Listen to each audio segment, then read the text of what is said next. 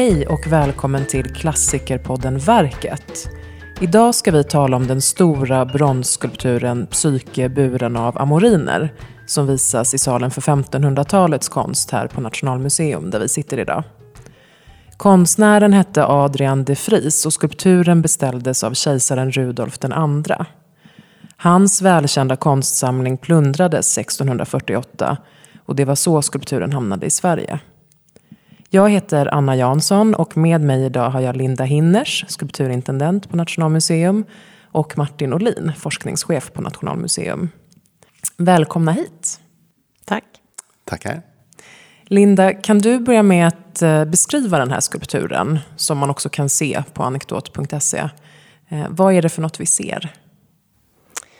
Ja, skulpturen som man ser direkt när man kommer in i rummet här då, det är ju en kvinnogestalt som är, den står ganska högt upp. Eh, och hon liksom bärs upp, svävar nästan i luften. För att hon bärs av små eh, amoriner, alltså små, små bebisar med vingar. Som liksom lyfter henne upp i skyn. Och hon står på en ganska hög sockel också. Så man måste ju titta uppåt och då, ja, man nästan liksom dras med i den här rörelsen uppåt. Och skulpturen är ju brons. Eh, och det gör ju också att den liksom skimrar i ljuset eh, i olika ljusskiftningar. Och vem var konstnären, Adrian de Vries? Ja, Adrian de Vries han var ju en av då det sena 1500-talet och tidiga 1600-talet befinner vi oss här. Eh, en av de mest uppburna konstnärerna, skulptörerna vid den här tiden. Och som du sa inledningsvis så kom han ju att knytas till Rudolf den andres hov. Men han var ursprungligen från, från Holland. Och eh, han hade, var förmodligen skolad som guldsmed. Mm.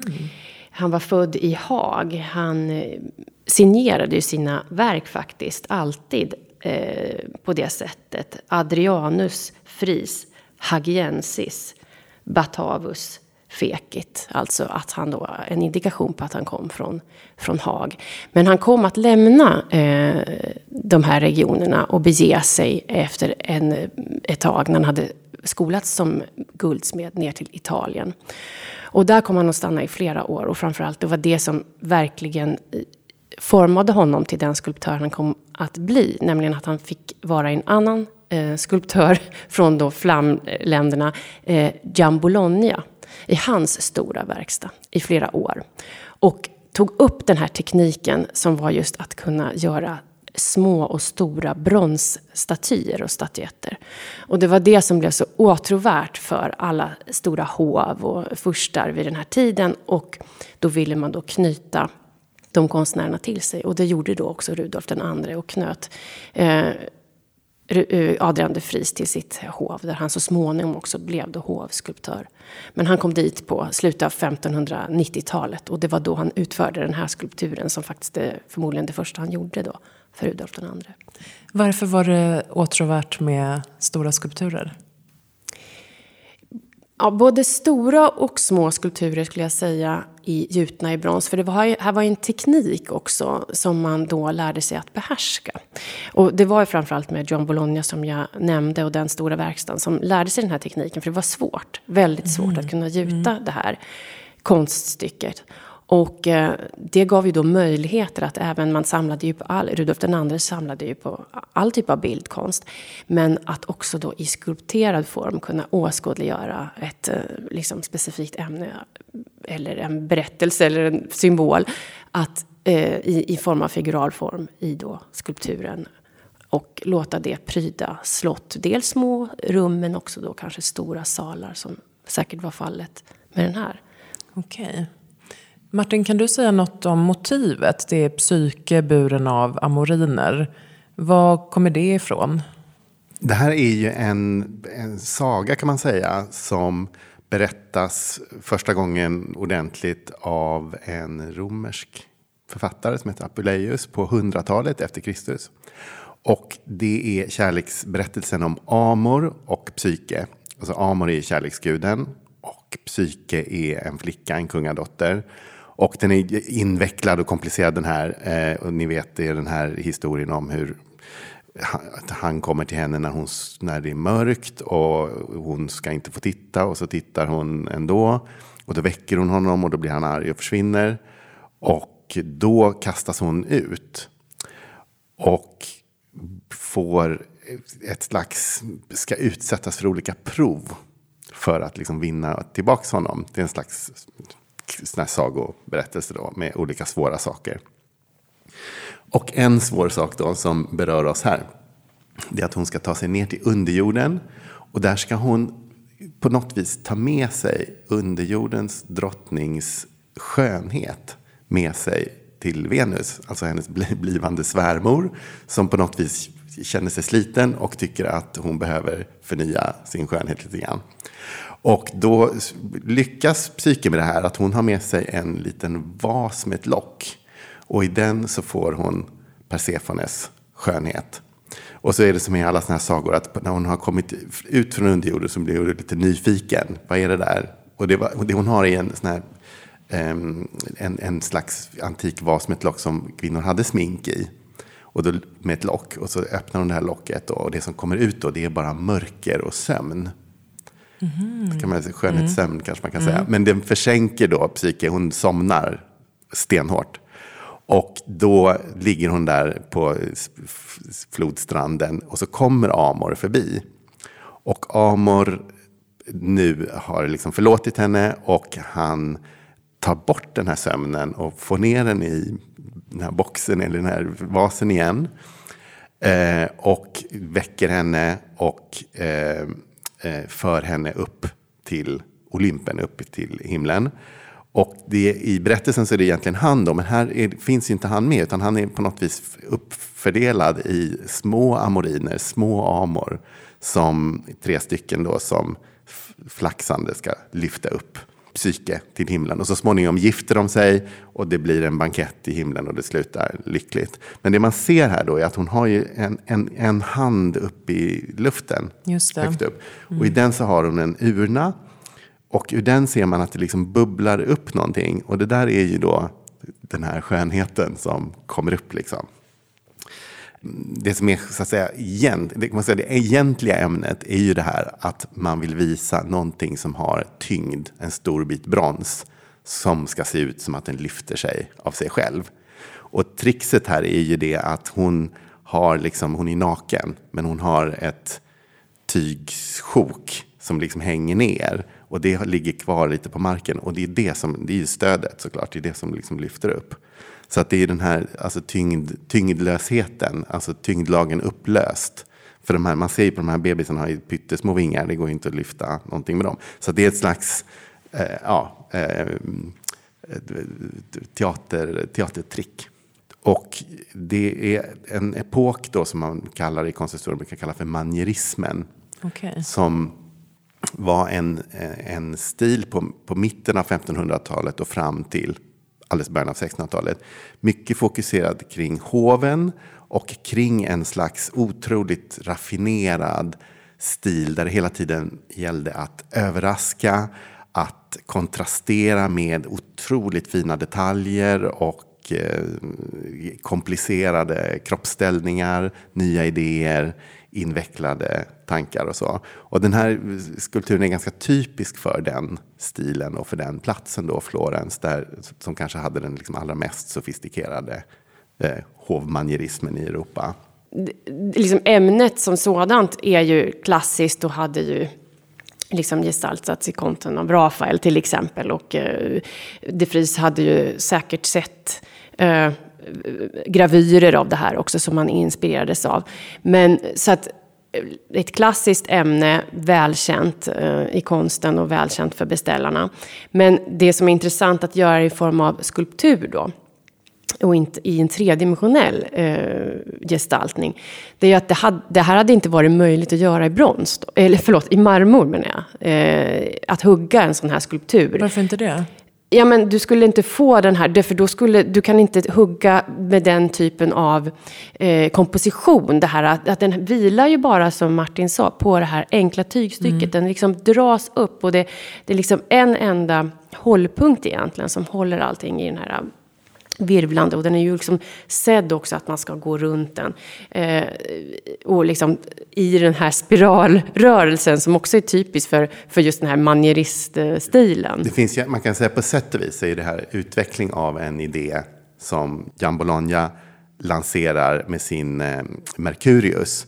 Och det är en skulptur som är, är känd. Det är Mercurius som är, han är också nästan naken. Och han står liksom på ett ben och flyger genom luften. Och det här stödet som han har, det är en liten en vind. Och då ser man det är en mun som blåser liksom luft upp på hans fot. Så att det är verkligen som att den verkligen är tyngdlös och svävar. Och då tror jag att Adrian de Vries har velat Eh, titta på det här igen och se om man kan göra en, en, en annan variant av samma tanke. Mm. Och, och så återigen då som sagt, det, det var den här nya tekniken också, att man lärde sig behärska den. Mm. Alltså den var inte ny, men den förfinas verkligen under renässansen och, och följande århundrade också på 1600-talet. Uh, eh, att, att då kan man göra den här typen av väldigt komplicerade kompositioner. Eh, som inte då man skulle kunna i sten då till exempel. För det skulle bara gå sönder att hugga något sånt fint som bara all tyngd var på ett enda ben eller ett mm. enda tygstycke. Men samtidigt var det ju också jättesvårt att gjuta de här ja. stora komplexa... Ja, hur gjorde man det? ja, eh, det var ju då som sagt en teknik som man lärde sig behärska och den kallas för cire perdu. Alltså det är franska eh, och det är den tekniska eh, term som man använder. Det betyder helt enkelt förlorad vax. Eh, och eh, då gjorde ju konstnären, skulptören, eh, en modell först i, i, i lera i det här fallet, eller oftast då. Och eh, i det här som de Vries använder då liksom en väldigt en direkt eh, cirperdu kallar man det för. Att, att man gör, använder en form. Utan han, på den här eh, modellen i lera så lägger han ett tunt lager av vax. Som han liksom skulpterar. Alla de här fina detaljerna eh, som man ser, som skulpturen är full av. Jag nämnde ju att han var guldsmed från början och det syns verkligen i håret och små, små grafiska detaljer nästan. Så det kan han ju då utforma i vaxen. Och sen så på detta så sluter man då en, en eh, eldfast form och eh, man täcker den med det. Och, och sen har man också gjort ett kanalsystem i vax eh, innan man täcker med den här formen. Och sen värmer man upp allting så all vaxen rinner ut och då får du ett tomrum mm. mellan den här kärnan och eh, kappan utanpå. Eh, där vaxet var. Och det är det man då gjuter i bronsen sen. Man häller ner Man häller i bronsen. Ehm, eh, och eh, Ja, egentligen så är det nog så att när man häller i själva bronset, det är då också vaxet försvinner. Så det sker i en enda gjutning helt enkelt. Okej, okay. så man kan så, inte så återanvända? Det är därför man säger att det är förlorad vax. Vaxen försvinner mm. och bronsen tar eh, vaxets mm. form helt enkelt. Mm. Eh, och, eller vaxets plats. Och eh, det som sagt är då en, en teknik som man lär sig liksom bemästra till fullo eh, vid den här perioden. Men också är det ju värt att nämna att man arbetar ju inte helt ensam. Då arbetar ju de Vries med en gjutare till mm. exempel. Mm. Utan han gör det här modelleringsarbetet och, eh, i, i vaxen och vet precis hur kompositionen ska vara. Och tekniska undersökningar som man har gjort mycket av den här skulpturen bland annat har ju visat också att man ser att det var väldigt, nästan inget alls efterarbete. Behövdes inte göra någon liksom mejsling och sånt där när gjutningen var gjord. Annat än att ta bort de här kanalerna. Och allt, är det gjort allt i ett? Inga skarvar? Allt i en gjutning. Och det mm. måste man ju verkligen tänka sig. Allt är bara... Det finns inget, man kunde inte... Men var det inte så? Alltså, det var ju inte många platser i Europa som man kunde göra nej, det här. Oh, utan nej. det var i Florens som han lärde sig det. Det var i Florens som han lärde sig det. Och sen så får han ju också då, när, när Rudolf den andre... Det är också liksom en prestige och eh, att kunna knyta en sån kompetens till sitt hov. Här kan vi gjuta liksom, bronsskulpturer mm. eh, så här vackra till, till det hovet. Så det var ju någonting som han också ville då, som fursten ville. När han då, det var ju nästan liksom en kamp om att få de här skickliga. Och de Vries var ju verkligen den, eh, eh, vid en period efterföljande John Bologna den absolut mest skickliga. För sen på 1700-talet när man i Sverige då försökte ja, det. göra det här så, som du och jag har skrivit om, så, här, så tar det ju decennier då att lära sig. Ja, bara hur man... man gör jättemycket misslyckade gjutningar när man ska gjuta ryttarstaty till exempel. Det är svårt. Uh, och uh, Eh, inte alls då den här. Men, men som sagt också, det gjuts ju bara ett enda exemplar. Mm. Det finns ingen form som man kan äh, återanvända Men kan man inte, alltså, vadå? Är det så att om den här gjutningen inte blir bra, kan man inte lägga kört. på nytt vax på gipsen och göra om det? Och liksom, på, eller måste man börja om från Nej, början? ja, då måste man börja om från början. Men det är det som man sen, liksom, när det här blir lite mera Eh, vad ska man säga, automatiserat är kanske fel ord, men alltså, då, då lär man sig att göra sån här indirekt gjutning sen på 1600-talet. Då, då använder man ju själva formen, eh, så att man, i en styckform, så att man kan liksom återanvända formen och göra sin vax eh, liksom, eh, inuti formen istället för att göra på den här direkta metoden som han gjorde då, direkt på kärnan. För det, alltså, det som du sa tycker jag är- stämmer så. Och det som är lite dumt med den här skulpturen är att huvudet som är så fint och också den här vasen och så är ju så högt upp så det är svårt att se. Men om man ser på andra de Vries-skulpturer och kan komma nära så tycker jag att det är en sån kvalitet med den här kontrasten mellan det blankpolerade och då det som är eh, till exempel hår. Och sånt som är, som är, är då inte blankt utan mer verkligen man ser eh, hårstråna ja, och detaljerna. Sådär. Och man kan ju också se nästan handens avtryck i gips eller i vaxet och att man känner att det här är verkligen skulpterat. Som sen kom tillbaka på 1800-talet som ett slags ideal. Så att han var så, men det här är ju en ganska, det här är ett av de tidigaste verken då. Även om det är gjort i Mm, Han blir lite mer liksom, impressionistisk Ja, sen, alltså, det vill säga han- han, eh, mm. lite mera flytande i detaljerna och, och liksom lite mer grövre handlag. Så här. I början så är det verkligen det här, eh, ja som sagt nästan otroligt, man tittar, eh, det man kan komma nära, om man, eh, att eh, de här hårstråna, och det är verkligen ett kännetecken för de Vries också, man kan se de här otroligt eleganta kvinnofrisyrerna också med flätan. Ja, hon, har ju, hon har en lång, lång fläta här som är uppsatt med ett hårband. Och, eh, på ett sätt som var ju också, som Michelangelo gjorde ju teckningar av sådana här frisyrer som kopierades jättemycket. Och så där. Så att det här är, för här är det ju så florentinskt och med att det, är- att det är som att det är, liknar Gian Bologna så mycket. Medan de här från 1620-talet som har stått på Drottningholm länge och så, de är ju som du säger helt, de är lite galna. De är ju he- originella och impressionistiska och eh,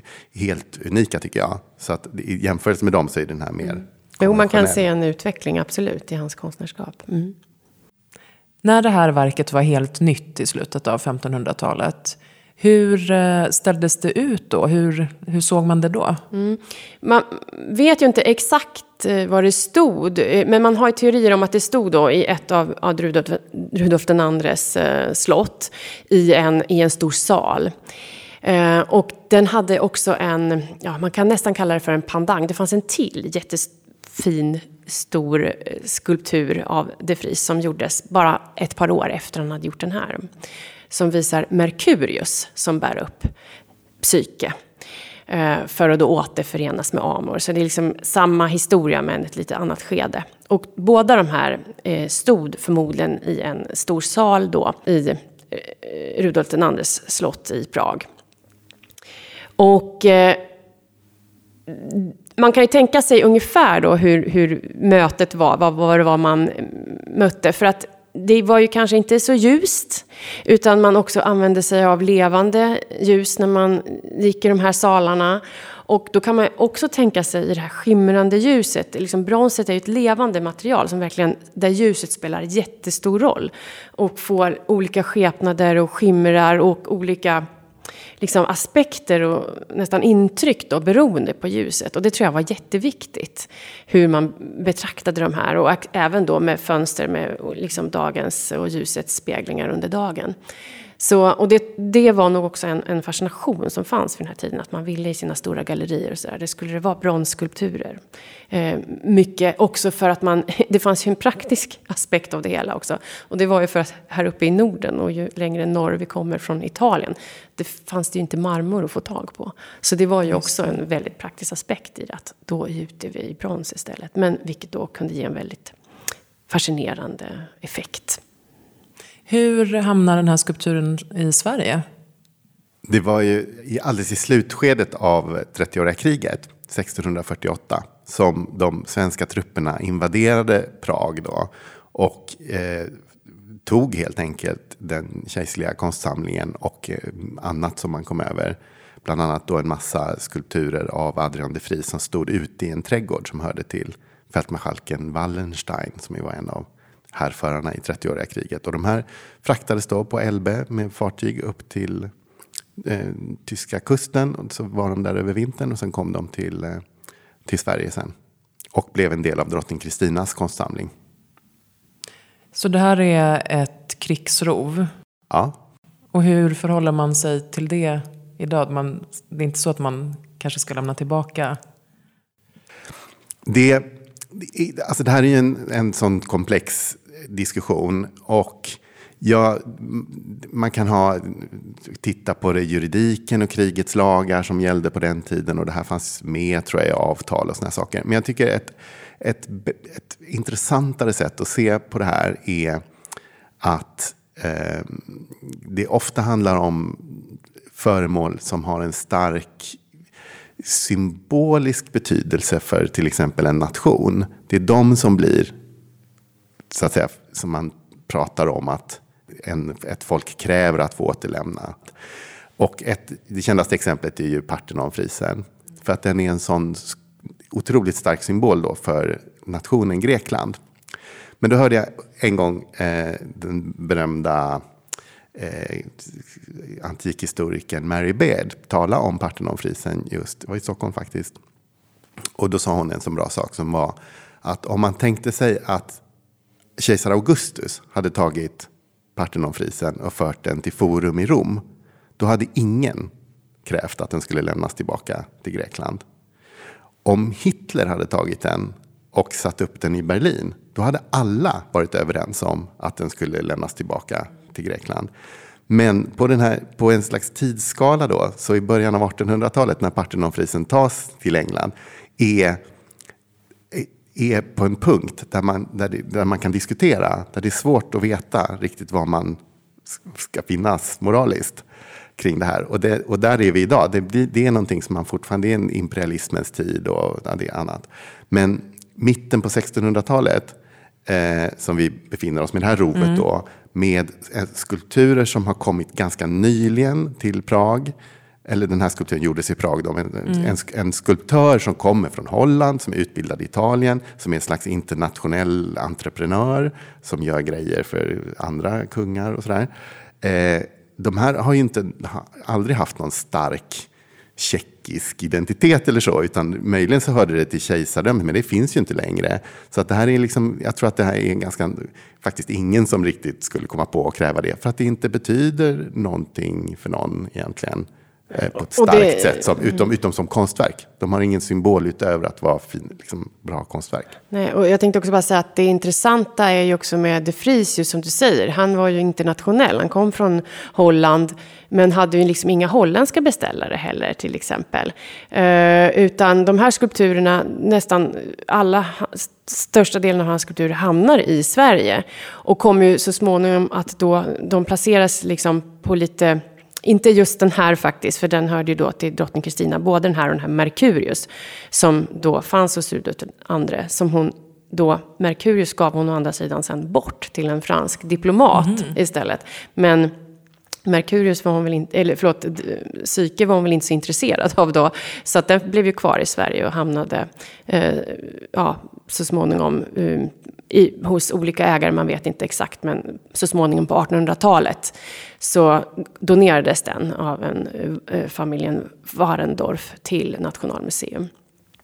Men de andra defriskulpturerna, de kom ju så småningom då att placeras in i Drottningholmsträdgården eh, av Nicodemus Tessin den yngre på slutet av 1600-talet. När han gestaltade den trädgården. Och då blir ju de en del i liksom en svensk eh, historia och kulturhistoria och han gör ett eget nytt program för dem. Eh, och så har de funnits då i 300 år i Sverige. Mm. Så att det är ju liksom komplext. Den, den, den, diskussionen som möjligen är, har varit aktuell är ju kring den, den stora fontänen som de Vries gjorde för Fredriksborgs slott i Danmark. Som svenskarna tog 1659. För den, de, de, den hörde ju verkligen integrerat till det slottet och det fanns en konflikt mellan de här länderna och den fanns kvar länge och det var symboliskt viktigt med de här krigsroven och så. Men på 1800-talet då när eh, skandinavismen, det är lite speciellt med de svenska, eller Skandinavien då, där man försökte verkligen enas. Då, som jag förstod det, så, eh, det gjordes det ju en kopia. Så 1888 ställdes det en kopia av den här Neptunusfontänen upp vid Fredriksborg. Som ingen nog riktigt tänker på idag, som bara går förbi, att det inte är originalet då.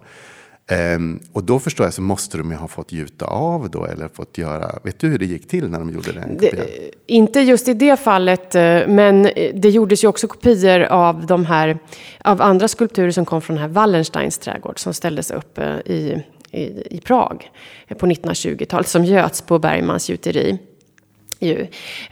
Och den här Merkurius, den, hamnar, den finns ju på Louvren idag. Så att det är ju vida spritt och ja, som sagt komplext. Innan vi avslutar, finns det någon detalj på skulpturen som ni tycker är extra intressant? Men, eh, alltså, ja, det finns så mycket med den här skulpturen som är så fin. Eh, dels är det ju liksom hur kroppen är gestaltad. Den här eh, eleganta, liksom smala kroppen men ändå med former. Men som följer idealet som var på den här tiden med liksom en liten byst, en smal midja och liksom långa smala armar, långa fingrar. Och hon är liksom så liksom smooth i luften där hon bärs upp. Men egentligen så tycker jag ju också det här med tekniken är ju så coolt när man tänker på hur den är gjord. Att det är det här tygstycket som faktiskt bär upp. Och det är så snillrikt för att man tänker inte på det. Utan hon har ju bara slängt av sig det. Och egentligen så är det där liksom kompositionen eh, är uträknad hur den ska funka. Jag tycker ibland när man tittar på skulptur att det blir så bara kropp, kropp, kropp hela tiden. Så därför tycker jag det är roligt att hon har med den här, att hon håller i den här vasen. Så att man får in lite liksom, konsthantverk i skulpturen. Och den ser ju också ut som en, en slags 1500-talsvas av den typ som man gjorde i metall också. I, i, i, hans kompisar, andra guldsmeder, då, kunde göra en sån där i silver eller, eller brons. Då. Och så det här att, det här att det puttrar lite, att den här liksom, skönhetssubstansen är på väg ut. Det gillar jag också. Det har jag faktiskt inte tänkt på, men det har du helt rätt i. Tack Linda Hinners och Martin Norlin. Tack. Tack för att vi fick vara med. Och tack till alla er som har lyssnat. Vi är tillbaka igen om ett par veckor med ett nytt avsnitt.